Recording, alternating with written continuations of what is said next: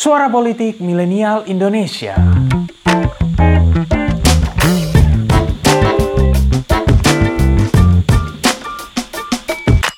And even from my sick bed, even if you are going to lower me into the grave and I feel that something is going wrong, I'll get up.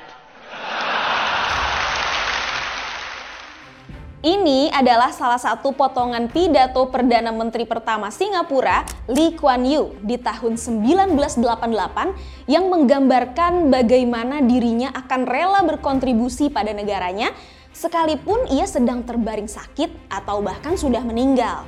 Mungkin ini jadi gambaran paling jelas dari kebesaran Lee Kuan Yew sebagai seorang pemimpin dan dedikasinya untuk Singapura. Tapi Mungkin tidak banyak yang tahu kalau ternyata kakek dan nenek Lee Kuan Yew dahulunya berasal dari Semarang, Jawa Tengah. Yes, dari Semarang, Indonesia. Ini salah satunya disinggung dalam buku The Singapore Story, Memoirs of Lee Kuan Yew yang ditulis sendiri oleh Lee Kuan Yew. Hal ini tentu menarik untuk dilihat, mengingat pertautan sejarah Indonesia dengan Singapura sangatlah dekat. Singapura menjadi salah satu bagian dari gagasan Greater Indonesia atau Indonesia Raya. Tentu pertanyaannya adalah akan seperti apa ya jadinya kalau seandainya Indonesia bisa menguasai Singapura? Akankah kita ketularan kebesaran-kebesaran Singapura sebagai sebuah negara atau justru Singapura yang malah menjadi seperti Indonesia? Inilah risalah jika singa jadi merah putih.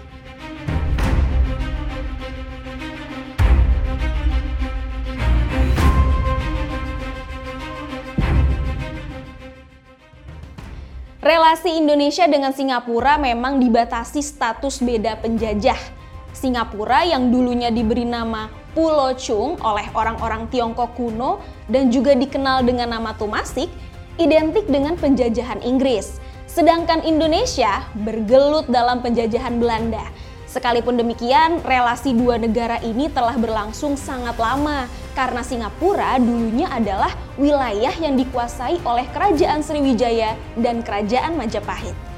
Nah, setelah mengalami banyak dinamika, misalnya ketika wilayah ini dibakar oleh orang-orang Portugis di tahun 1613, Singapura kemudian mendapatkan bentuknya ketika Inggris mendarat di tahun 1819 di bawah pimpinan Thomas Stamford Raffles.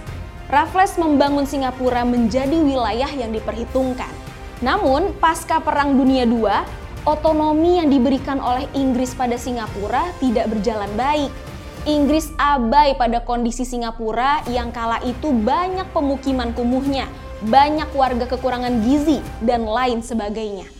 Singapura akhirnya memutuskan bergabung dengan Federasi Malaysia pada 1963. Namun karena ada kerusuhan etnis, ditambah situasi politik karena Indonesia yang mengkonfrontasi Malaysia, kondisinya pada akhirnya memburuk.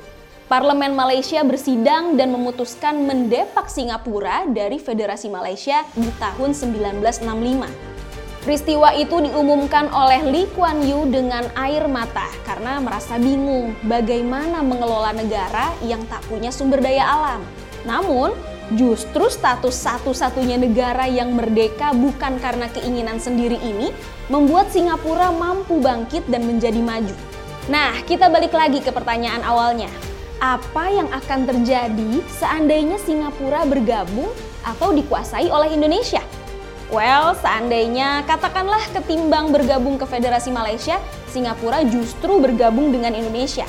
Maka nasib Singapura bisa saja akan jauh berbeda. Jika pengaruh Indonesia yang kuat terasa pada Singapura, maka besar kemungkinan wilayah tersebut tidak akan semaju sekarang. Ini terkecuali jika Indonesia memang fokus untuk membangun wilayah Singapura sebagai hub perdagangan internasional. Kemudian dana-dana yang mengalir dari Indonesia ke Singapura pasti tidak akan terjadi. Bu Menku Sri Mulyani di tahun 2016 pernah bilang bahwa ada 2.600 triliun rupiah uang milik orang Indonesia yang ada di Singapura yang menjadi target teks amnesti. Hal lain yang terjadi adalah kasus-kasus mafia migas di Indonesia tidak akan terjadi. Well, kita tahu ketika ramai isu mafia migas, banyak yang menunjuk ke Singapura. Bahkan perusahaan minyak Indonesia, Pertamina, bisa saja menjadi lebih besar dibandingkan Petronas milik Malaysia. Andai kata Singapura sebagai hub perdagangan dan pasokan minyak dikuasai Indonesia. Buat yang belum tahu, Singapura jadi pemasok produk minyak olahan terbesar ke Indonesia dengan 10,25 juta ton. Lalu, bagaimana kalau sebaliknya justru Singapura lah yang pengaruh-pengaruhnya terasa pada Indonesia?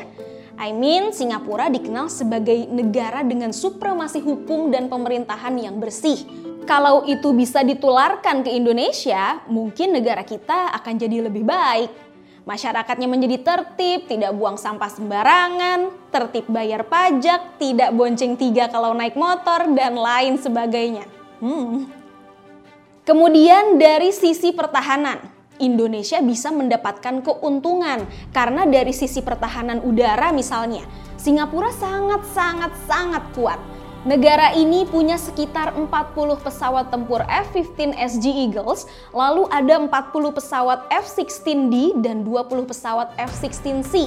Kalau di total, jumlah jet tempur ini dua kali lipat lebih banyak dibandingkan milik Indonesia.